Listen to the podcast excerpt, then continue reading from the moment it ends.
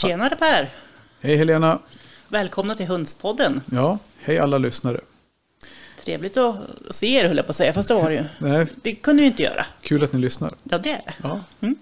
Och det är som är så kul, när vi sitter här och pratar så är det kul att de lyssnar. Ja, verkligen. Fastän vi inte ens har hört det än, Nej, precis. Nej, när vi säger det. Ja, precis.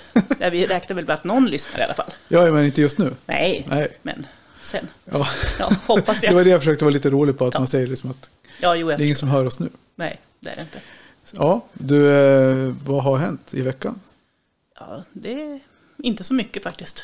Det går i rasande fart. Ja, ja men alltså, allting bara rullar på just nu.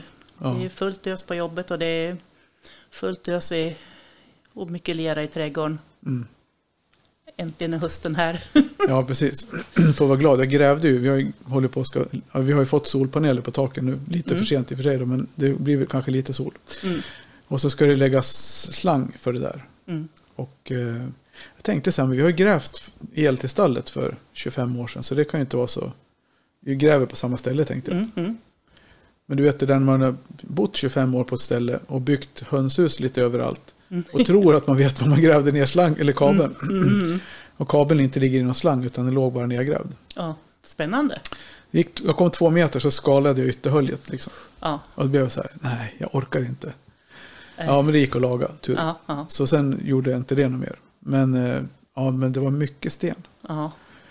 Eh, Och vi har lite roliga bilder faktiskt. Som, du ska, som vi får lägga ut i samband med det här nu när vi pratar om det. Precis. Just att det är bra ibland med höns. verkligen. Eller inte, för de är inte så... de hjälpte ju till på sitt sätt. De, men de var ganska nöjda då, tänker jag. De var jättenöjda. Ja, De försökte återfylla samtidigt som jag grävde. allt i jakten på den perfekta masken. Ja. Ja, men sen gräver man så kommer man fram till en punkt och så ser man, okej här går kabeln och sen går den vidare och så ser man riktningen på kabeln. Den går rakt in under Mm. två rastgårdar och ett hönshus. Mm. Då fick jag bryta riktning. Mm, tänka sig. Då var det obruten mark. Och det var stenigt. You guess. Ja, alltså jag har ju då liksom, får jag erkänna, sett lite bilder på eldande och stenar och försöka Ja. att liksom spränga, eller vad säger man? Ja, spräcka. Spräcka. Mm. Vad heter den tekniken när man eldar sten så den spricker? Oh, det borde jag veta känner jag. Undervisat i SO. Sala silvergruva är ju, är ju gjord, de äldsta delarna Mm. är ju gjord med den här tekniken. Ja, Det kan ju googla. Så det är ja ingen, vi får googla. Nej, jag vet. Du vet? Ja, tillmakning. Ah, Tillmakning, det som Mm. går ut på att man ställer, i gruvorna då ställde de ju som vedstockar mot bergväggen. mm, Och sen eldade de ju stora brasor mot den här bergväggen. mm, Och sen följande morgon så gick man in och hacka, mm, hacka sig in i, i bergväggen. mm. Eh, Jag har varit i Sala silvergruva, om jag minns rätt nu, vilket jag hoppas. Jag brukar minnas rätt på sådana detaljer. Mm. Vet du hur långt de kom på en sån här tillmakning? När de eldade en natt. Nej, In i berg, rakt in i berget. nej. Men gissa på någonting. Ja, men gissa. Ja. En meter? Då hade de varit jävligt glada kan jag säga. Åh, 15 centimeter åh herre. Ja, mm. per dygn Mm. kom de in. Och då kan, har du varit i Sala silvergruva? Ja, ja, ja, Gått till de orterna. Japp, Som är flera kilometer långa. jajamän. I olika skikt. 300 meter ner i backen. Mm. Jo då, det, Då kan man ju fundera. För det första så kan man ju fatta varför det inte är så mycket skog runt Sala. jag. Mm. Jo, det är det väl. men Det har väl vuxit upp. Ja, Men alltså det, det gick ju att alltså, förstå vad de eldade och förstå vad det liksom... Ja. Ja. Alltså 15 centimeter, det är Ja. ingenting. Nej, det är ingenting. Som skolfr skolfröken som, som lärare tänker jag, åh, en halv linjal. Ja, precis. Det är min måttstock. För det är ju så att du eldar ju och det, blir, det som händer är att berget värms upp och spricker. Ja, Men har man en sten då vet du, den spricker ju rakt igenom. mm. Men det här berget, det, blir liksom, det kan ju inte spricka så långt. nej. I och med att det är liksom massivt. Ja, Så det håller ju absolut. emot överallt. Ja. Nej, men så jag rekommenderar faktiskt alla om ni har möjlighet att Mm. åka till Sala silvergruva. Mm. Och ta en guidad tur ner. För det är otroligt intressant. Ja. Ja, verkligen. Och lite, lite läskigt. Ja, men lite. Mm. Man går, man, på något ställe får man gå i spiraltrappor, liksom så här Mm. jättelånga. Och, och vill man slå på stort och, och ha något jättefint kalas så har de en, en festsal nere Just på det. 150 meter tror jag. Eller om det är. Så här. Man kan de har bröllop och Mm. middagar och lite av varje. Ja. Jo, men på, från det ena till det andra. Så tillmakning. Så mitt Ja. mellannamn Per Tillmakare Forslund. Japp, bra. Ska jag komma ihåg fortsättningsvis. Nej då, men vi har eldat mycket sten här. Det är en bra teknik. Mm, det, för det gör jobbet åt en utan att man behöver liksom bli alltför svettig just då. Ja, precis. Sen ska det ju slås sönder och bäras där. Mm, ja. Jag förstår. Vi hade mycket stora stenar. Mm, Det, nu kör man inte med eld, nu kör man med gasol. Mm. Det gick bra. Det är lite modernare i alla fall. Ja, precis. Mm. Men det går ganska bra med ved. Det går liksom, du får ju en glödbädd som glöder ner hela tiden så det blir en otroligt bra värme. Mm. Nog om detta. Det Nog gjorde jag detta. förra helgen. Ja, det låter inte som ett eh, hederligt dagsverke. Ja, verkligen. Nej, men det var för förra helgen och sen gjorde jag färdigt i helgen. För jag grävde först och sen ska jag fylla igen. Och det tog ju fasen mer tid att fylla igen än att gräva nästan. Ja, ja. Mm. Ja, ja. så nu är det. Snart är vi solel. Mm. Så Härligt. nu siktar vi på att bli soligarker. ja, lycka till. Vet du vad det är? Ja, som en oligark fast som en sol. Ja, ja. precis. Mm. Soligark. Fast egentligen blir det så oligark. Det inte, har inte så mycket med... Är inte det ett ryskt ord för typ stor mogul? ja typ. Ja. Så är det med det. Mm. Vi har ehm, en Ja. gäst. Ja, precis. Men Alldeles vi, strax. Ja, ja, precis. Alldeles strax har vi en gäst. Och vi har lite rasspecial idag. Mm. Det tycker jag ska bli jättekul för vi har ju beslutat väldigt gemensamt här att vi pratar om dvärg och Wyandotte. Ja. Och vi har beslutat ganska gemensamt att vi pratar med den rasmänniska vi får tag på. Exakt. Och som vill vara med. Som vill vara med. ja, Så om det bara blir dvärgvajendott så gör inte det någonting så länge det är någon som vill prata om dvärgvajendott. Ja. ja, jag kan alltid prata om dem. Ja. Ja, Men eh, jag tänkte så här, förra veckan, det var ju Ja, SVA del 3. mm, ja just det. Så det, jag hoppas ni blev glada av det. Jag blev glad när jag satt och klippte det. Ja, och jag har lyssnat på det och, och känner Ja. mig nöjd. Det är godkänt. Japp, absolut. Ja, nej, men det var ju alltså, det var kul också, för fastän vi var där Mm. och hörde det. Och sen satt du och jag och lyssnade på det. Mm. Och sen spelade vi in. Och sen när jag satt och klippte så satt jag och lyssnade på det igen. Och då, Mm. så att man hör ju, man kanske är korkad, men jag tyckte man lärde sig någonting lite nytt, lite någon Mm. grej varje gång man lyssnar på det. För att det, var, det är så mycket detaljer och så mycket tekniskt prat. Mm. Ja, absolut. Så, ja. Ja, men jag tycker att man kan gärna lyssna flera gånger. Jag- Som jag också, precis som du, har lyssnat flera gånger och liksom upptäcker ja, men nya, nya saker att lägga märke till varje gång. ja. Så var det med det. Mm. Ska vi, ska vi, ska vi, ska vi släppa in vår gäst? Jajamän, det gör vi. Då anropar vi Söderort. Hallå, hallå. Hallå, hallå. Ja. Inte söderort i Stockholm som i Stockholm, utan söderort som i södra Sverige. Ja, Eller hur? Precis. Ja, stämmer. Hej Jan! Hallå, hallå. Vem har vi med? Du får berätta själv vad du heter och vad du gör och vem du är. Ja, det kan jag väl göra. Eh, Jan Jönsson heter jag. Eh, man kallas för Janne. Eh, det säger alla och även jag själv när jag svarar i telefon. Ja, Eh, jag bor eh, en och en halv mil norr om Ystad i Skåne. Så det är nästan så långt söder man kan komma. ja, ja verkligen. Där bor jag med eh, eh, sambo och två barn. Så, och eh, mina djur då. Mm. Eh, så det mesta är fjäderfä av olika slag. Eh, och vi har eh, två hästar och någon hundar och lite katter och så. ja, Härligt. Ja. Men du, bor, du bor på gård där, eftersom du pratade förut om att du höll på med jordbruk, eller? Ja, jag, jag, jag är anställd som, eh, alltså på ett lantbruk, eller en skola är det egentligen, Ja, ja. eh, som ligger i Skurup. Så vi, vi utbildar eh, framtidens lantbrukare. Okej. gör vi. Så jag, jag jobbar som tillfällig driftsledare där nu. Mm. För tillfället på jordbruket. Mm. Och har hand om eleverna samtidigt och ska utbilda dem. Men finns det stort intresse för att bli lantbrukare idag? Eh, det har ökat nu för varje år. Ja. Eh, så det är väldigt glädjande. Det var för fem sex år sedan var det väldigt dålig, dåligt sök Mm. eh, bland eh, våra svenska ungdomar. Men nu de senare åren så har det blivit populärt med de här gröna näringarna som man kallar det. Så, Mm. så nu har vi faktiskt full klass i år Vad kul. Mm. som har börjat, börjat i ettan på gymnasiet. Så det, Ja. det är himla roligt. Mm. Verkligen. Mm. Mm. Men vad, vad tror du, vad beror det på då? Ja, det- den, den frågan ställer man sig. Ja, Eh, alla. Men det är nog lite att eh, det syns mer i media.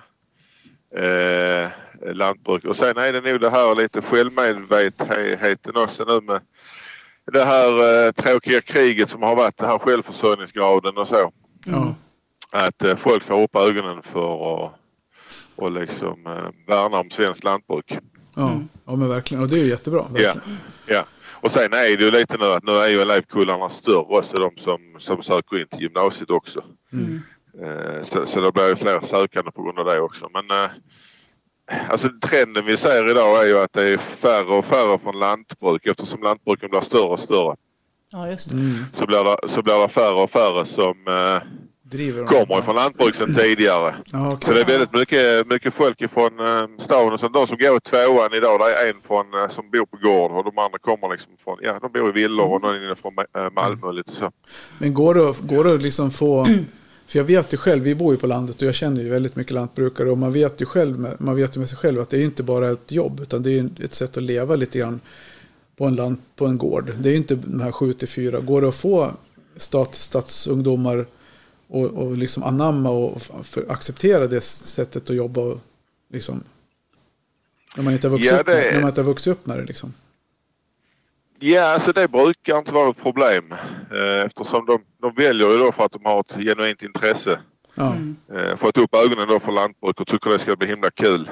Mm. Sen blir det nog lite, alltså om man inte är van uppvuxen i den miljön så blir det nog lite, Mm. lite chock då att man, man oj jobbar man så himla mycket då vissa perioder. Mm. Och det är inte 7 till 4 direkt. Alltså det upplever man inte att det kan vara nästan. Nej, alltså det, det beror sig på lite vad man, vad man håller på med då. Men eh, som då, vi har ju djur också där på, på vårt lantbruk, alltså mjölk, mjölkkor ju. Och en smådjursutbildning också. Men det, det är mjölkkorna som är, är den stora biten hos oss då. Eh, och så växtodlingen. Och det är, så vi har ju, alltså då har man ju vallskördar och sånt också till, till djuren. Eh, Så där är ju inte bara topp. Har- man spannmålsodling så är det ju topp på våren och topp eh, alltså nu på hösten då när det är skörd och, sådd på hösten. Ja. Så har man lite lugnare på sommaren och, och på vintern. Ja, precis. Men när man har djuren så är det ju, ja, då är det betydligt mer att hitta på. Ja, de ska ju ha Och, och, sitt året om. Ja, och ja, man mjölkar 365 dagar om året. Ja. Eh, de ska ha sin skötsel varje dag och, och så ju. Och det är, eh, ja, alltså arbete i kostall är väl ungefär ja, från fem på morgonen till sex, sju på kvällen i alla fall. Mm. Mm.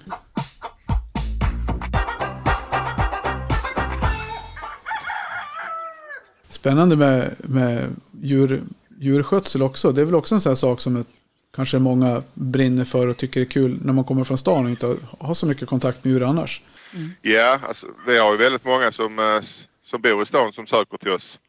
Som Ja. blir jätteduktiga djurskötare på, på ko och grissidan framförallt. Ja. Mm. Eh, och de har jobb den dagen de tar studenten. Mm. Ja.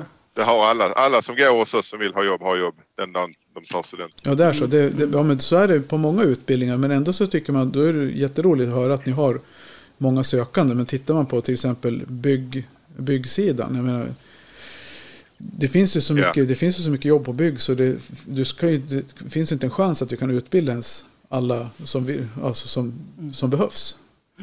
Så Nej, det, ändå söker inte folk. Nej. Så det är nej alltså det, det, är, det är en liten trend bland unga idag att det, det, är, det är jobbigt att arbeta fysiskt. Ja, Mm. Eh, är det tyvärr ju. Mm. Eh, där, där finns jättemycket jobb inom gröna näringen och bygg och sånt som ni säger. Men eh, alltså de, de får inte tag i tillräckligt mycket folk som vill jobba. Eh, Och det, det är även på verkstadssidan inom, inom lantbruk och, och lastbilsmek och så. De, de får Mm. inte tag i, i folk. Nej. det, är, det är jättekonstigt. Jag Mm. tycker verkligen det är konstigt. Men Mm. någonstans så har man ju, jag var i alla fall präntad på det när jag var liten. Att man skulle jobba och försörja sig själv. Och sen oavsett vad man gjorde liksom. Men, Mm. så ja, jag vet inte. De har, de har nog lite högre krav idag. Så, alltså Mm. eh, på vad man vill göra. Mm. Eh, och, så här. Och, det, och det är mycket, mycket arbete när det är lantbruk, de här topparna. När det är Mm. skörd och, och sådd och sånt. Och det, det är, man jobbar 7 till ja, 9, 10, 11 på kvällarna. Ja. Framförallt om det då är alltså på, en, på en vanlig gård. Mm. Eh, Och sen så är går det traktorn sönder efter det så då måste man jobba ett par, tre timmar till. ja, det har ju du. Ja, du har ju din sambo. Min, ja, eller min pojkvän. Ja, Ja, precis. inte sambo. ja, ja. Särbo. Sen, Jo, ja. ma- maskiner går sönder och Ja, och allt sånt så ska de repareras och helst ska de vara ihop till dagen efter. Och, ja. Ja. precis. det, är, det är väldigt intensivt när det väl händer så att säga. Mm. Och visst. Och sen visst, jag vet ju själv, vi, när jag var liten så hjälpte jag till på en bondgård som vi bodde vid. Och när man skulle köra, köra en hö så var det alltid någonting med den här ba- balpressen.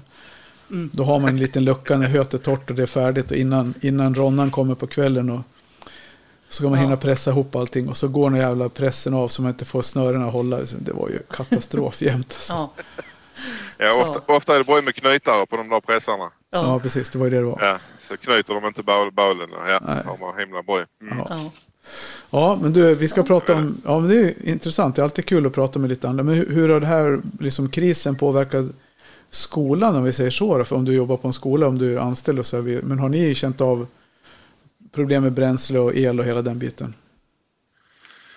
Alltså vi, eh, ja ekonomiskt så är det ju en väldig ökning på bränsle och, och elen kommer ju nu också och, eh, eh, och så ju. Och framförallt eh, konst, konstgödsel till eh, Mm. alltså den, den gödseln man, man köper. Mm. Eh, för två år sedan kostade ja, 3,50 ungefär kilot då för den här konstgödseln. Nu, nu är det liksom över 10 kronor kilot. Ja. Mm. Ja, det är en rätt så dyr utbildning, för det är lite olika på de olika gymnasieutbildningarna. Ja, alltså det är rätt. Det är, det är dubbelt så dyrt att utbilda en, en elev på sån här grönt program jämfört med Mm. till exempel naturvetenskaplig linje. Mm. Ja. Mm. ja, men det förstår Eller man. Det är klart, det blir ju skillnad med att man måste ha maskiner och... Ja. Så Ja, det, ja. det är naturligt. Mm. Men vi, vi bedriver jordbruket precis som ett, eh, ett riktigt produktionslantbruk. Ja. Eh, Och försöker ta så bra skördar vi kan och korna de, eh, de mjölkar så bra de kan och, Ja. Mm. och så. Så eh, för att visa då hur det ska, ska fungera och gå till. Och, ja, precis. Eh, Men eh, glädjande är ju liksom att eh, priserna på spannmålen och mjölk och det har ju gått upp ja, Mm. precis. också ju. Så, så det är inte bara utgifterna som har gå- gått upp utan Nej. Det har ju hängt med upp rätt så bra. Ja. Så det, det är ju tur det. ja, det är nödvändighet. På, det här lantbruks, på lantbruksskolan då, för nu är det ändå hönspodden vi pratar om. Har ni några höns där, fjäderfän på skolan? Ja, ja det har vi. Ja, Vi har ju en, eh, vi har en smådjursutbildning så vi har inte industrihöns, alltså värphöns utan det är, Nej. det är rashöns där ja. ja. Ja. Av lite olika slag för att visa lite olika äggfärger och vi har någon stora och någon dvärg. Mm. för att visa olika storlekar. Så de, det handlar om den här djurutbildningen är att lära sig att, sköta olika slags djur då. Mm. ja. Så eh, ja men det är väl jättebra. Är det, skö- vad gör du på skolan då? Jag, jag arbe- arbetar på växtodlingen som eh, driftsledare Ja, det, ja just det, det sa du. Ja. nu ja. ja, ja. Och sen eh, ja, hjälper till där det behövs också ibland. Då. Mm.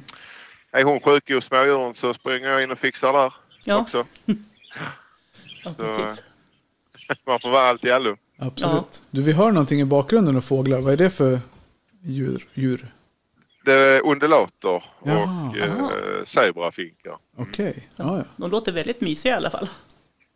Ja, ja de gör det. Jo, det är, eh, förutom när de sätter igång riktigt mycket. Då, då låter det mycket. Ja, precis.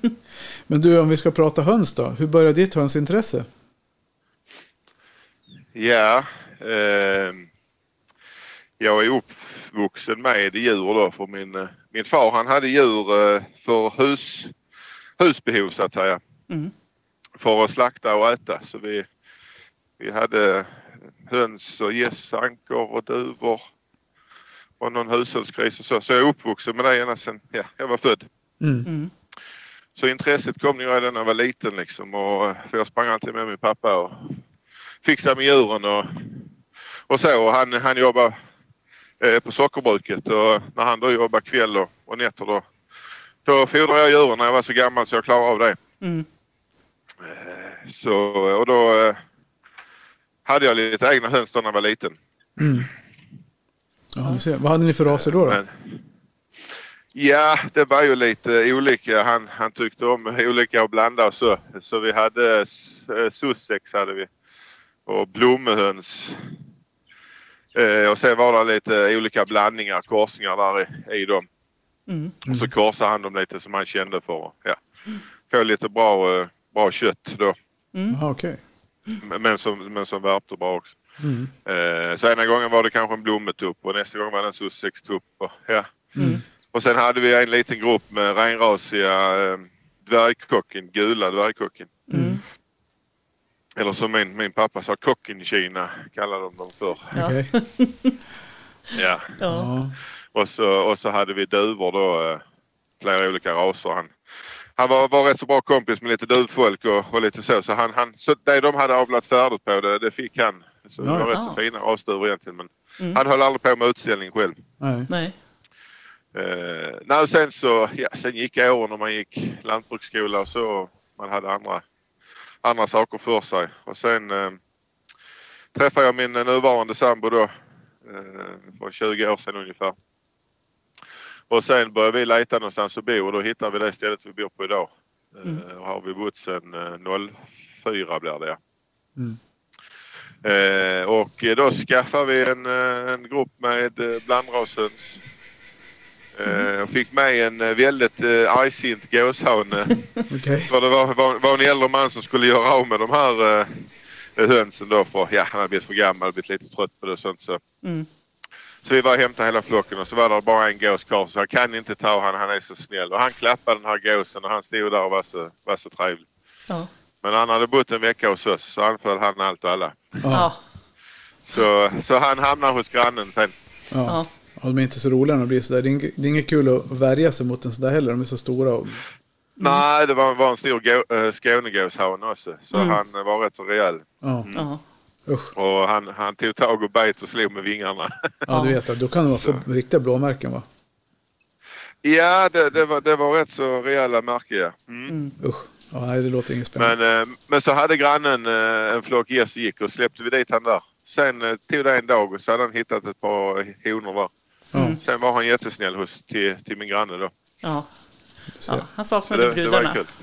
Ja, eh, han sa att någon hade varit och, och, och så, tagit honan ifrån Ja, honom. Någon hade ja. stulit den på natten och troligtvis då. Mm. Han trodde de hade eh, ja, slatt till han, hanen där. Så att, Ja. eh, ja, Han blev ilsk. det var vad han trodde. Mm. Ja, precis. För han hade varit, han, han gullade med han precis som en hund. Mm. Den här gåshanen. Men eh, nej, och sen så eh, ja, hade vi dem ett tag och sen så var det min sambo som fick syn på att du, där är hönsutställning i Malmö då. Det här de kallar binäringarna förr i tiden. Mm. Det var en stor utställning i Malmö med massa olika lantbruksdjur och, och burfåglar och då framförallt höns. Mm. Som, eh, som då, ja, det kallas binäring som höll det. Det Sydsvenska dvärghönsklubben som ställde ut där. Mm. Så jag åkte in där och, och tittade och sen eh, ja, blev jag lite fast eh, där av det och tyckte det var fantastiskt. Eh, ja, att gå och titta på alla de här hönsraserna. Mm. Eh, så då, eh, då kände jag en som hade lite rashöns. Så jag åkte dit där så då köpte jag ägg från eh, Hamburger dvärg, eh, silversvartfläckig och Schabo. Eh, Mm. gul-svart Columbia tror jag det var. Och Mm. gulblå Columbia. Mm. Eh, och det var 0, nu ska vi säga 05 måste det ha varit ja. Mm. Så jag tror det var 05 eller 06 där som jag ställde ut mina första höns då på. Ja. på Högesta då, Österlens fjäderfäklubb. Ja. Ja. Och det blev eh, inte så bra poäng men eh, eh, jag tror jag fick 87 och 88 på de här hamburgarna. Ja. Men där, där föddes väl det här utställningsintresset och den här renrasaveln då. Mm. Eh, för att försöka och få fram ja, perfekta hönan i den rasen Ja, precis. Ja. Vad, har du, vad har du haft för raser sen då? Hur, hur ser det Ja, sen har jag haft, haft eh, väldigt många raser kan jag väl säga. Eh, jag har väl varit en sån som att eh, de verkar fina och trevliga där man har tittat i någon, någon hönsbok och, Mm. och så. För, ja, jag lånade rätt mycket böcker då i början och man läste på och man grejade. Fast man var uppväxt med det men så läste man på mer om skötsel och boende och, och raser framför allt då vad det Mm. fanns ju. Eh, och så börjar man googla lite också. Och, så. och sen så ja, har man sett en ras och fan, jag tycker verkar trevlig så har man skaffat eh, ägg från dem eller djur. Ja. Ja, visst. Eh, och sen har man prövat, prövat dem ett tag och sen så har man känt nej det är väl ingen, ingen, inget för mig och sen så har man sålt dem då så skaffat något annat. Då. Mm. Mm. Hur kom det Så jag har sig? haft eh, Eh, jag har haft allt, allt ifrån ja, benbefjädrade, Doshabo hade jag, dvärgkockin. Eh, vad har jag mer haft? Eh, Plymouth Rock och ja, och så lite stora har jag haft. Eh, eh, vad har jag haft där? Eh, Sussex och de har jag kvar än idag, Sussexen. Eh, Mm. Och så stor Wyandotte har jag haft och jag har haft eh, stora italienare har jag haft. Mm. Eh, ja, det har varit lite av diverse. Ja, li- lite olika typer av raser också. Ja, jag, jag har försökt pröva mig fram liksom lite så. eh, ja, eh, har jag gjort. ja. Men nu har du hittat den perfekta rasen, eller hur? ja, det, det, det, det känns så. Jag har ju mer, jag har mer än då dvärgvindot som du tänker på. Ja. Jag har ju kvar mina eh, dvärghamburgare, silverfläckiga. Ja.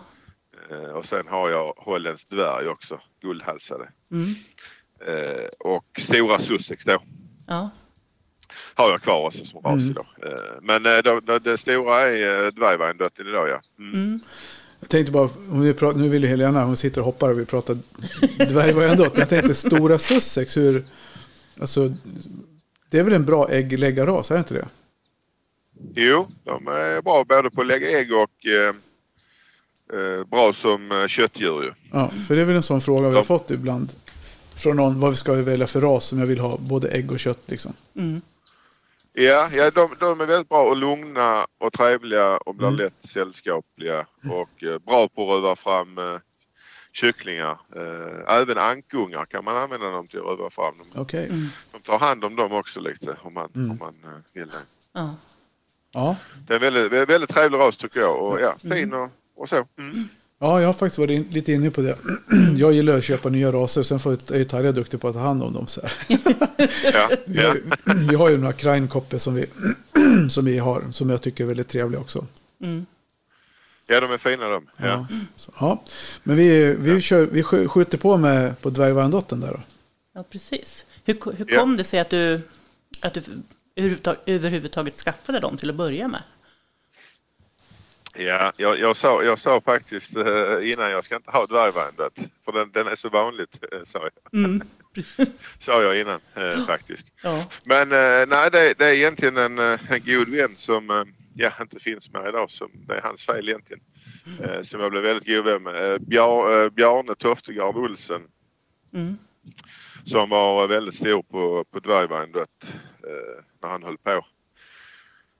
Eh, och han hade dem i tre färger då när jag lärde känna han. Vit, svart och silversvartrandade Mm. hade han. Och tvärrandig då också ja. Fyra färger var det Ja. tvärrandig. Ja. Eh, och eh, ja, han hade ju fantastiskt fina djur. Och sen eh, blev det att jag lärde känna han och pratade rätt mycket med han. Och sen var det att vi var på hönsresa där med Österlens fjäderfäklubb. Mm. Och sen eh, stannade jag kvar och så tyckte jag de här tvär, tvärrandiga var för himla fina. Jag är lite ja, svag för de tvärrandiga djuren. Ja. Eh, Så då, så då satt vi där och pratade och sen så blev det att ja nu är det extra pris på dessa idag. Så, eh, så det blev att jag köpte en trio Dryvine och ett eh, tvärrandiga där. Ja. Mm. Eh, och på den vägen är det. Mm. Sen, eh, sen blev jag fast liksom. Det är eh, en supertrevlig höna och, och lugn, sansad. Tycker om det. Alltså just en tung ras också- och då brukar de ju vara lugna. Mm. Men väldigt lätta att hantera. Och tar man i dem så brukar de bli lugna rätt så snabbt och, Mm. och, och så. Och så himla fin typ. Och det, ja, det var en höna som föll mig i smaken. Mm. Ja, precis. Om man, om man ska beskriva eh, utseendet på den, du ser att den är ja, en eh, tung ras. Vad, vad kännetecknar en sån då för den som inte har ett gäng hemma i trädgården redan? Ja, en, en tung ras är ju alltså en ras som är lite bastant byggd. Eh, och eh, lugna i sitt sätt. Mm. Och de flyger inte så högt. Nej. Eh, och blir inte så himla stressade när man ska hantera dem. Nej. Och blir rätt så lätt eh, tama. Ja, Jag känner, kännetecknar väl de tunga, tunga raserna. Lite kompaktare djur om man eh, just Mm. Wyandotte. Den är rätt så kompakt. mm. Den är inte så långsträckt utan Nej, precis. Lite ska jag säga, bulligare eller rundare i, Ja precis. Ja. Mm. Den har ju, har ju runda cirklar som, som form så att säga. ja, precis. Ja, ungefär hur stora eller liksom vad, vad, vad ska en dvärg Wyandotte väga ungefär? Ja, eh, nu, nu har vi kommit till det dilemmat också här ju att vi har två raser i samma ras eller vad man ska säga. Ja, Eh, med dvärgvyandotten ju. Att vi har tysk dvärgvyandott och vanlig dvärgvyandott idag. mm. Eh, och om jag inte missminner mig så är det väl, nu kan jag inte vikterna i huvudet, men det är väl 1100 gram för tupp på vanlig Wyandotte och Ja, jag tror 900 för hönorna. ja, det är så jag Och minns det i alla sen, fall. och sen då tysk eh, dvärgvyandotte är väl 1300 på hönorna tror jag och Mm. 1500 på tupparna tror jag. Ja. Så de, de tyska är en liten, ja, ganska stort snäpp större känns det som. Ja, de är, de är lite större kroppsligt men framförallt ja. hög, högresta i benen. Och Sen har Ja. de ju en annan eh, stjärtform jämfört med nu den här eh, vanliga Wyandotten om man, Mm. man ska säga så. Mm. Ja, precis. Vad, vad är det som skiljer stjärtformen på, på de här då? Ja, alltså tupparna ser man inte det så mycket med, med ögat. Eh, skillnaden så utom att den tyska är större och har lite större bullighet i stjärten.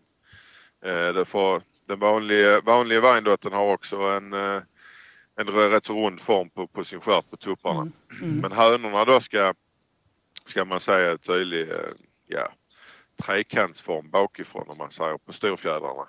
Mm. Mhm. Och förr var den hästskoformad. Det är, det är, ja, det är den, den tyske dvärgvyandotten har ju eh, skoformen då, det här bulliga. Mm. Sen har de sämre fjäderstruktur de tyska. Alltså de är inte så Mm. styva i sina storfjädrar så det blir mer som en mjuk boll. Mm. Eh, Men så ska det ju ändå synas en tydlig hästskoform och eh, men då den vanliga har mer ja, som ett hustak om man säger, sadeltak. Mm. Om man- tittar liksom Mm. Bakifrån. bakifrån Ja. då, eller? Ja, ja Mm, mm. precis. Ja. Jag, upplever Det är väl så, det är väl så jag har förstått det nu i alla fall. Mm. eh, efter de kom då med den här standarden på. Det blev ju att, det blev att den gamla standarden vi har kört länge blev ju den för den tyske dvärgvyandotten och så Mm. fick vi en ny eh, så att säga på, eller den gamla standarden som var längre tillbaka har jag förstått det som. Då Mm. hade hönorna trekantiga stjärtar också. Ja, just det. Så de har tagit tillbaka den här gamla amerikanska varianten som det var från Ja. början. Ja. För rasen i sig, alltså i alla fall den stora Wyandotten, här kommer ju från USA. Ja precis. Ja. Ja. Men, men dvärgarna, de är utvecklade här i Europa framför allt. Ja, ja, stämmer. Ja. Och det är väl, alltså Tyskland brukar ligga långt framme, och, men även England har väl varit, varit inblandat. Också i utveckling, brukar- sen, sen färger och sådär också. Mm.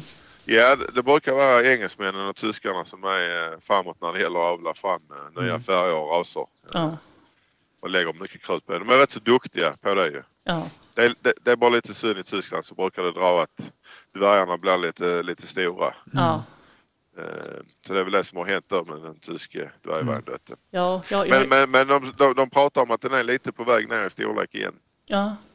ja, det får inte Ja. bli för, för nära de stora tänker Det ska ju ändå vara en, en hyfsad skillnad. Man ska se vad- om det är en stor eller, eller dvärg. Ja precis, precis. Och, där, och där, där hörde jag att det var eventuellt på gång att de skulle dela de stora också i, i, i tysk då, stor Wyandotte. Så då eh, Mm.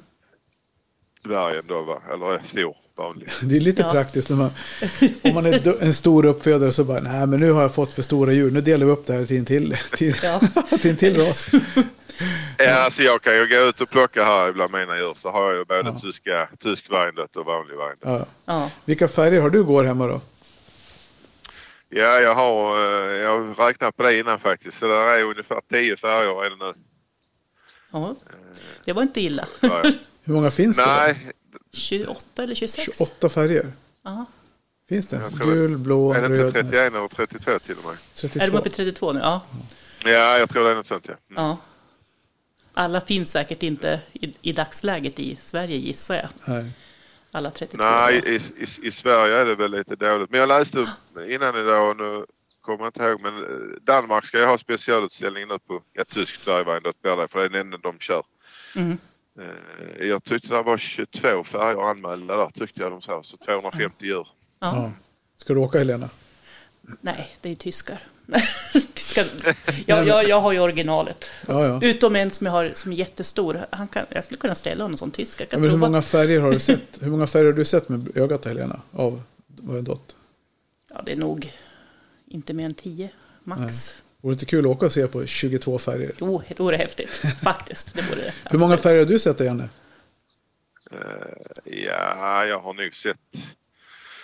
eh, Ja, i verkligheten har jag nog sett en ja, 15, 15, Mm. 17 färger någonting tror jag. Hur många finns det i Sverige? Vet du det? Nej, det vet Nej. jag inte idag faktiskt. Men det kan det vara ett 15-tal kanske, Mm. skulle jag tro. Mm. Vi ska ju på en liten utflykt på lördag, jag, Helena och Tarja. Vi ska åka till Grums på medlemsträff med SRF. Och då var det tema var ju tung dvärg, så vi ska ta med oss lite djur faktiskt. Mm. Ja, det gör ni rätt i. Ja, Det brukar Ja. vara rätt så trevligt på de eh, medlemsträffarna. ja. Nu när det i alla fall var inom räckhåll. Det är bara Grums, det är bara tre och en halv timme bort. ja, det är ju inget. Ja, precis. Ja, jag var där eh, förra helgen och hämtade en hundvalp uppe i Sunne faktiskt. Jaha, Ja. du ser. Hur Men, långt? men, ja. Det var mer än tre och en halv timme va? ja, eh, strax över sju timmar. Ja. Ja. Enkel resa eller fram och tillbaka? Enkel resa? Nej, enkel resa. Ja, herregud. Mm. Ja, jag förstår Ja. det. Ystad är långt. Jag har faktiskt varit i både Ystad och Skurup. Jag hade ett, jag hade ett projekt med, nu måste jag säga så jag inte säger fel. Ja, jag kommer inte ihåg vad bilfirman hette. Vi var, levererade klinkergolv till några bilhallar i, nere i Skurup. Ja, okej. Mm. Ja. Motorcenter kan det kanske ha varit. Ja, det låter bekant. Volkswagen och... Ja, Ja, den ena det var Seat, tror jag. Skoda och Seat som vi sålde. Ja men då, då är det Motorcenter. Ja, säkert. Fick de lite reklam också. Ja. Ja, precis. Gå in, och, och, gå in och kolla de snygga golven. Jo, men det roliga, var, det roliga var med den, varför jag nämnde det när du pratade om att det var lång resa, det var för att jag tror Tarja skulle iväg på någonting. Eh, vad, vad kommer jag inte ihåg. Hon skulle ut, iväg resa hemifrån i alla fall några dagar. Och grabben, var, Emil, var lite mindre så han, han skulle vara själv. Och jag skulle åka, jag sa till henne, men jag åker, jag ska förbi där och där på morgonen, sen åker jag hemåt. Så jag kom väl iväg, någon, så jag pratade så jävla mycket så det blev någon timme senare än vi hade tänkt. Så jag kom väl iväg vid, inte vet jag, 12 kanske. Och började åka och sen bara tittade jag på, på klockan så bara, fan. vad shit vad sent det blir. och så hade jag ett stopp till att göra så jag var inte hemma förrän vid nio kanske innan jag kom iväg. Nej. Det var Nej, en jäkla resa alltså. Mm. Och då ser man verkligen hur långt det här landet är. Man åker. Mm. Åker, åker. Ja, Ja. Så är det. Så det Ja, ja det, det, det är långt. Det är det. Och då har man ändå inte ens kommit en tredjedel liksom. Nej. Nej, precis. Nej, jag, jag har ju närmare till eh, norra Jylland jämfört med att komma upp till halvvägs i Sverige. Mm. ja, det är sjukt. Ja. Ja, men nu avbröt jag. Helena, du hade lite mer frågor Ja, eller ja. lite mer punkter. Alltså jag tänker, man vill ju veta allt om, om de olika raserna som vi har i våra rasspecialer, tänkte jag. Ehm, vad värper de för slags ägg? Hur ser de ut? Hur stora är de? Är de goda? Nej. Ja, goda är väl alla ägg, men eh, jo det är de. Eh, De, eh, de väger ungefär 45 gram är väl medelvikt. Och sen är de alltid från vita till, eh, ja inte, inte bruna, ljust bruna kan man väl kalla det. Mm. Mm. Får de variera i färg alltså? Ja, det, det får de lov att göra. För, först skulle de vara eh, alltså, ljus, ljusbruna. Eh, Men sen, eller ljusbeige står det kanske. Mm. Jag Eh, tror det står men- där. Mm. Ja, men sen har det ändrat sig eh, med åren. Det är nog lite olika linjer. För vissa linjer har Mm. väldigt vita ägg och vissa Mm. linjer har väldigt eh, mörka. Mm. Jag har, har gul colombier. De, eh, de värper väldigt, eh, alltså så lite ljus, ljusbruna ägg om man säger. Mm. Eller mörkt beige om man ska kalla det det. Ja. Ja, ja, precis. Och sen mina tvärrandiga lägger nästan vita ägg. Så Mm. det är väldigt, väldigt variationsskillnad. Ja, du, du Ja. upplever att det är skillnad i färgerna? Vad det blir för. Vad beror det på? Det beror på liksom pigmenten som är som gör fjäderfärgen eller? Nej, jag tror det är olika linjer hur man har avlat liksom. Hur, hur pass eh, hur pass man har varit på eh, alltså det här med äggfärgen också. Mm. Urvalet liksom. Ja, säkert. Ja. Ja, ja, Ja. precis. För en del, ibland när man eh, avlar så tänker man inte på alltså eh, äggfärgen som har varit, varit på djuren så, så tycker man den är snygg och sen råkar de eh, värpa vita ägg och så ja, Mm. fortsätter man att kläcka och sen blir det då ljusare ägg. För det är lättare att få ljusare ägg än, än att behålla den mörka äggfärgen. Mm. Ja, precis. Ja. Eh, vad är det annars för fördelar med, med rasen? Om man liksom ska göra lite propaganda, vi tar det negativa sen. Ja. Eh, Fördelen med rasen eh, det är ju att den är lugn, eh, trevlig, den är lätt att få tam, den har släta ben så att säga, ingen benbefjädring. Det är lättare att hålla ren för, från ohyra. Det är en robust höna och sen har den då rosenkam som det heter. Mm. Och det gör att den är rätt så tålig mot kyla. Mm. Det var faktiskt Det var en av anledningarna till att jag valde den, för jag ville ha en, en, en höna som var lite tålig mot kyla och, och så. Det, det kan ju bli ganska kallt här i kring. Ja precis, ja. Vi har ju inte så kallt nere hos oss men, eh, men det var väl också en anledning till att de avlade fram dem med rosenkam från början var att de skulle tåla sträng Mm. kyla. Mm, Eh, Där är Wyandotte som de är framavlade. precis. Den stora rasen då. Ja. Eh, Så det är väl det och så, ja den är väldigt robust eh, tycker jag. Mm, Ja. precis. Men finns det några nackdelar och vad skulle det kunna vara? Ja, vad är det för nackdelar med dem? Eh, De äter väl mycket, alltså Mm, gör de ju. Men det är för att hålla den kroppsformen. Ju. Dels äter de mycket medan de växer upp som kycklingar och ungdjur och sen så Mm. äter de ju en del när de är vuxna för att hålla igång den här kroppen som Mm. ändå är lite tyngre. mm. Eh, kan man Ja, väl säga. Ja, Vad är det några mer nackdelar egentligen? Eh, mm. nej, ja, precis. inte vad jag kan komma på nu. Så. Nej, Nej. nej. Och jag kan ju bara instämma då i Ja. allt du har sagt. Men det är väl så. Ja, precis. ja. Ja, men Ja, absolut. där, är ju, där är en nackdel eh, med, med, med vissa linjer och det är ju att de, de har lite för lätt för att vilja ruva. Mm. ja. Det är, det är en, sen vissa linjer ruvar inte alls upplever jag. Alltså, Nej. eh, där, där finns både och. Och sen är det de som är mitt emellan liksom lagom så. Men, men vissa Mm. de, de värper tio ägg och sen vill de ruva liksom. mm, Eh, det, det, det är kanske en nackdel om man liksom vill ha ut Mm. efter äggen. mm. Silke, Ja, där finns det bara en linje. De ruvar. Ja, Ja. precis. Ja. Ja. Nej, Sen, sen tycker jag de är kanon på vintern också för de, eh, alltså mina ungdjur de, eh, de värper, börjar ju värpa på Mm. vintern. Sen Mm. värper de liksom eh, då. Fast det liksom är kallt Mm. mm. ute liksom. Ja, men men go- det, alltså, goda värpare, det är väl ett- en superegenskap egentligen. Och det är många som frågar efter det. ja. Alltså höns som värper Ja, bra. precis. Så det är väl, det är väl riktigt bra. Ja, så just att de värper på vintern fast Ja. jag försöker ändå inte ha ljus alltså i onödan till dem. Nej. Men de, de börjar värpa de ungdjuren och sen så Mm. fast det liksom eh, kan vara minus ute och, och så så Mm. och för jag släpper ut dem på vintern också så de får gå ut liksom på dagen. Eh, Mm. Ja. Men, Precis. men de fortsätter värpa ändå. Ja.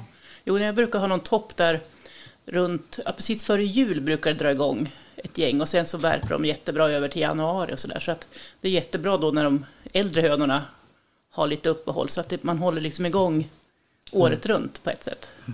Ja precis. Så, så det är faktiskt ganska praktiskt. Och också det här att man, man förnyar liksom i, i hönshuset lite grann vartefter. Det blir ju så visst. Lite grann, eller jag, ska, jag tar tillbaka det Ja. där men mycket. Men du Janne, ställ, hur, mycket, hur ofta ställer du ut eller hur mycket har du ställt ut? Åker du frekvent på utställningar?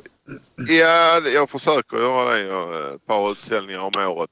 Eh, Det blev lite tråkigt i fjol där med, Ja, Mm. med eh, pandemin och fågelinfluensan. Mm. Eller fågelinfluensan var det som satte stopp för utställningarna ju. ja precis. Mm. Men annars, Så, du brukar eh, vara med på nationalen. Ja, jag har varit med i eh, vad är det, ett eller två år tror jag jag har varit med där. Sen Mm. har det inte blivit av olika anledningar. Och, eh, I fjol hade jag anmält djur dit. Mm. Mm. Ja, Men nu blev det ju inte av ju. Eh, Mm. Och i år vet jag inte om jag har tid att åka dit tyvärr. Nej. Eh, Det är, ju- det är ju en bit ifrån mig och Vårgårda. Mm. Ja, precis. Du får ju skicka med djur med någon. Ja, det, det, det, det, är, det är många jag känner som gärna tar med djuren med sig. Mm. Mm. Sen brukar jag eh, ha, har lite eh, filosofin att jag gärna vill hämta mina djur på söndagen i alla fall. Mm.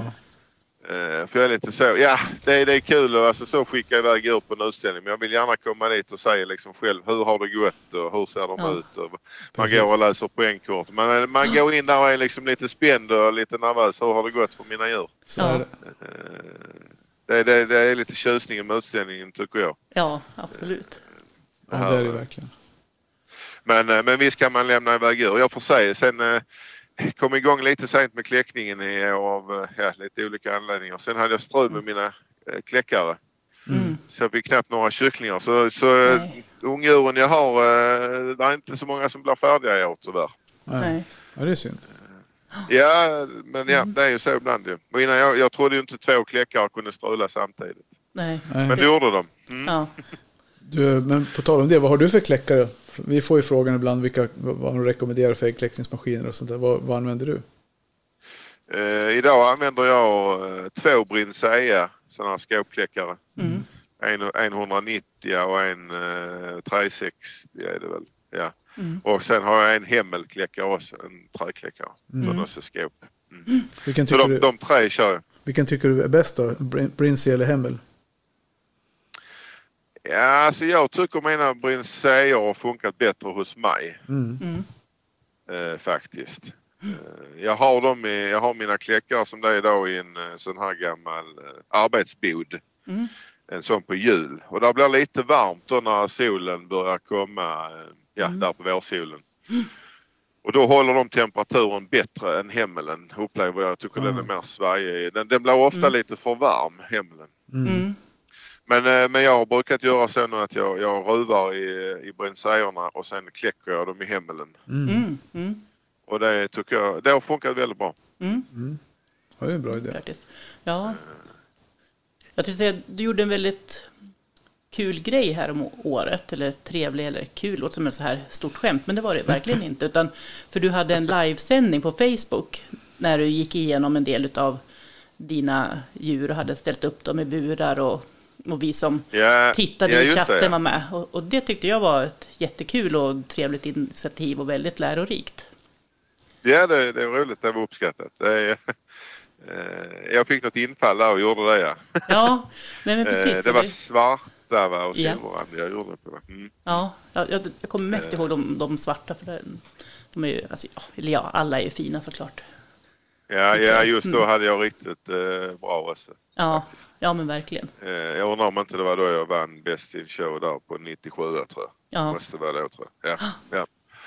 Så eh, nej, de, var- de var superfina. Eh, ja, eh, det hade man gärna gjort, gjort mer men eh, ja, det är väl tiden man känner som. eh, ja, Ja, visst. Ja, men. Men den är full med en massa annat. ja, ja, men så är det ju. Och, och så. Men eh, det är också ett kul sätt att eh, använda, ja, Facebook var det i det här fallet på, och att um, umgås på distans. Ja, precis. Ja, precis, precis. Nej, jag tyckte alltså det här också liksom försöka visa, visa andra vad man tittar efter lite så. Mm. Mm, Eh, och det är det jag tycker själv, och så är, ja, det är väl lite det här man är instruktör och man utbildar elever det här. Det är alltid Mm. lättare att visa dem praktiskt. Ja, att de, alltså så, än, än man ska läsa en bok liksom.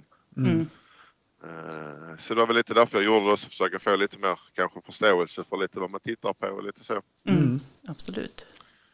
Nej, det, Så det hade varit kul, det hade varit kul att gjort fler sådana grejer egentligen. Men det är väl, det är väl tiden man känner som inte. ja, ja, men precis. Ja, vi får se. Får du tid så är det väl uppskattat. Så det är bara Ja, precis. att köra på. Ja, ja vi får se. Ja. Mm. det, är ju, det, är, det är ju lite eh, så, ja. Det är, tycker lite det, det är lite synd här för eh, om man tänker de randade djuren, framförallt stora där, att eh, Mm. de blandar dem lite, alltså de blandar de färgerna för mycket liksom. Ja, Mm. och då blir det lite mischmasch i Jag tror- färgmässigt. Tror, tror om ett par år så eh, tyvärr eh, kommer det krävas stort arbete för att få tillbaka dem med sin, sin randning och, och, och bättre Mm. färger. Mm. Det, det, det går bra att köra guld och blått ihop eh, någon gång men inte hela tiden. För de, de guldsvartrandade kommer att bli för, eh, för eh, matta i färgen liksom. Alltså Mm. blaskiga och randningen, man ser att randningen börjar lite försvinna lite och, och så. och, Ja. Mm. Ja. Det är väldigt bra, bra att köra dem ihop alltså, på rätt sätt. Men inte alltid. Och inte guldvitrandig, absolut inte ska man köra ihop. Nej. Mm. Ja, precis. Men, eh, men så är det. Mm. Ja, precis. Det är mycket att tänka på när det gäller avel och även om det finns då 32 färger så får man hålla, hålla tungan rätt i mun, på att säga. Ja. Ja, var, var och en har sina svårigheter och, Ja. och lättheter. Ja. Ja, absolut. Så är det ju. Jag har, har själv fastnat för de randiga lite nu så jag har eh, skaffat Mm. i guldvitrandig och guldsvartrandade nu också i år. Så Ja, mm, vi får se spännande. blir av dem. Men hur Ja. mycket, plats, hur mycket plats har du för dina höns? Det låter som att du har en jäkla massa ytor. Och, du måste ha mycket ytor att tillgå om du kan ha så mycket olika färgvarianter. Och, Ja, alltså jag har ju byggt efterhand och jag håller på att ska bygga mer. eh, Mm. Så, men eh, sen nu, nu är det någon, eh, någon färg som eh, får eh, gå vidare. Mm. ja. Nu när jag har skaffat de här andra. Det, man kan ta hur mycket som helst. Och man, det, det, det absolut bästa som man, egentligen är att ha en ras och en färg. Då får man Mm. absolut bäst. Men, ja, precis. Ja. Men jag har, jag har ett, eh, ett häststall. eh, Där jag, som jag nyttjar nu på sommaren när hästarna går på bete så använder jag hästboxarna där och föder upp eh, ungdjur i dem och, och sen Mm. sätter ut dem och, och så. Jag har sådana här kullhus Ja, eh, med, med elnät runt ja, för rövens skull för jag har mycket röv här. Ja. Eh, Och så sätter jag ut dem där när jag tycker att de är stora nog då avvanda från värmelampa så. mm. Och sen får de vara där eh, ja, fram till det är tid att sortera dem eh, på tidig vinter eller senhösten. Mm. ja precis. Och jag tycker det har funkat rätt så bra. Då har de rätt stora gräsytor att gå på. Ja. mm. ja, men det är suveränt. Ja, de, alltså de växer ju klart bäst när de har de möjligheterna. Ja Mm, precis och sen har jag byggde jag ett hönshus som jag har då som avelshus. Eh, där är ju nio fack i det. Mm. är där, som jag har då uppdelat. Och sen har jag lite småfack då i, i häststallet också där jag delar upp när jag, eh, när jag kläcker då. Mm. Eh, delar upp i triosar och lite så. Ja, Så får de vara inomhus den, den, den perioden och sen Ja, så då när jag precis. har kläckt färdigt så, så släpper jag ihop dem och ja, Mm. så får de liksom gå, gå ut också. Mm. ja. Ja men Härligt. precis. Ja, nu är det ju snart vinter också. Och den här vintern har vi ju förstått att det kommer bli dyrt.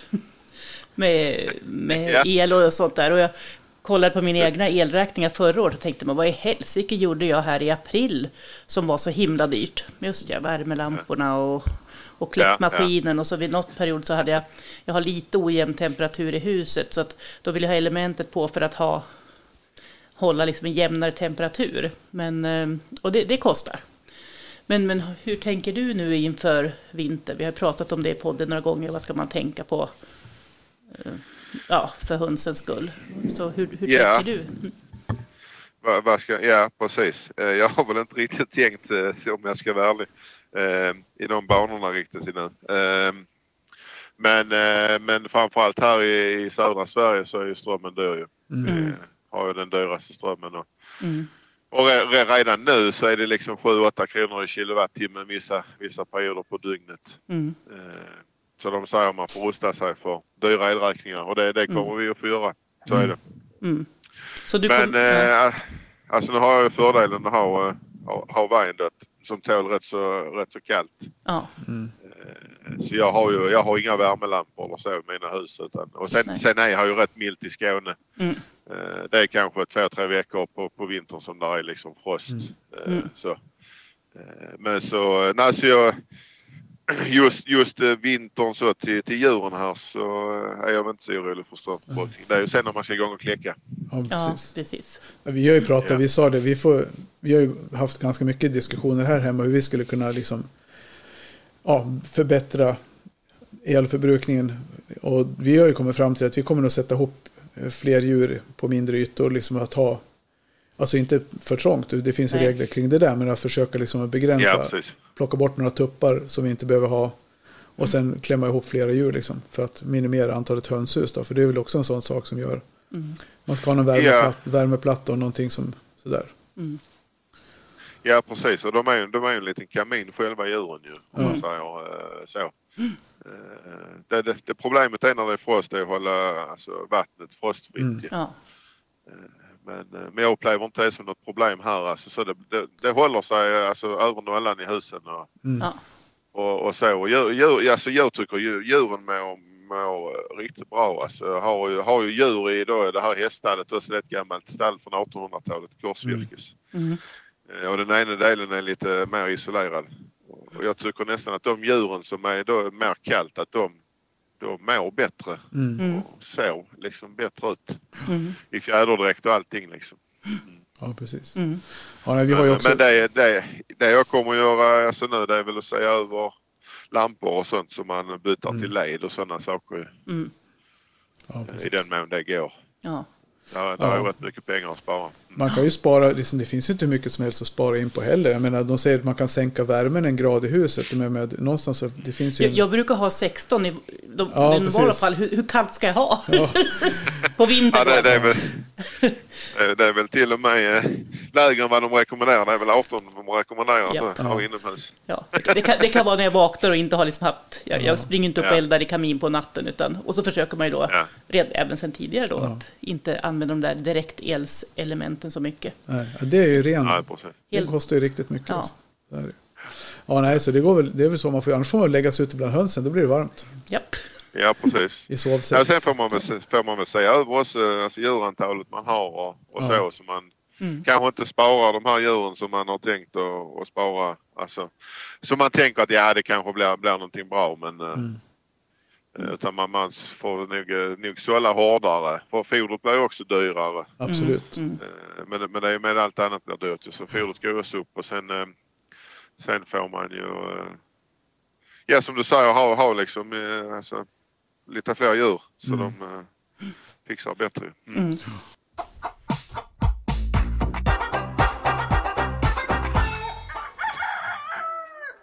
Ja, men Janne, vad, vad schysst att vi fick ringa till dig så här störa på onsdagskvällen. Torsdagskvällen är det Ja. nu. Torsdag den här veckan, men ja, Ja. det går Ja, gammal vana. Ja. Ja, det, det, var, det var roligt ja. Mm. ja, så nu vet alla, alla vet allt om Wyandotte. Mm. Ja en del i alla fall. Ja. Nej, men jag tänker så här, om de vill, om de vill eh, komma i kontakt med dig så kan de väl göra det via oss till att börja med. Alltså, om det är någon som vill ha någon höns. Det går jättebra ja. ja, ja. Och, Eller om de vill ha någon, ha någon goda råd om Wyandotte. Mm. ja, men Ja, precis, precis. Absolut. Och, och ti, tips och råd och hjälp med avel eller så, så brukar jag alltid ställa upp. Ja, Mm. ja, det låter kul. Ja. Det låter bra. Kanon.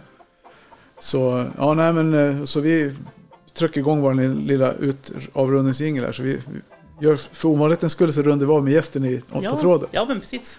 Vad tyckte, sig. vad tyckte du om att podda då, Janne? Var det som du hade tänkt dig? Eller? Ja, det, det gick väl bra hoppas jag. Jag tyckte Ja. väl det flöt på rätt, rätt så bra. Ja, absolut. absolut. Vi, Ja. behövde- vi Sen är man- sen man- Sen är det första gången men eh, ja, det, det Ja. funkar väl. Så Ja. är det. Ja, men eh, så då till våra lyssnare då så säger vi tack för den här gången och på återhörande. Ja, tack för oss. Ja, hej då allihopa! Hej. Tack så mycket. Hej, Tack. hej.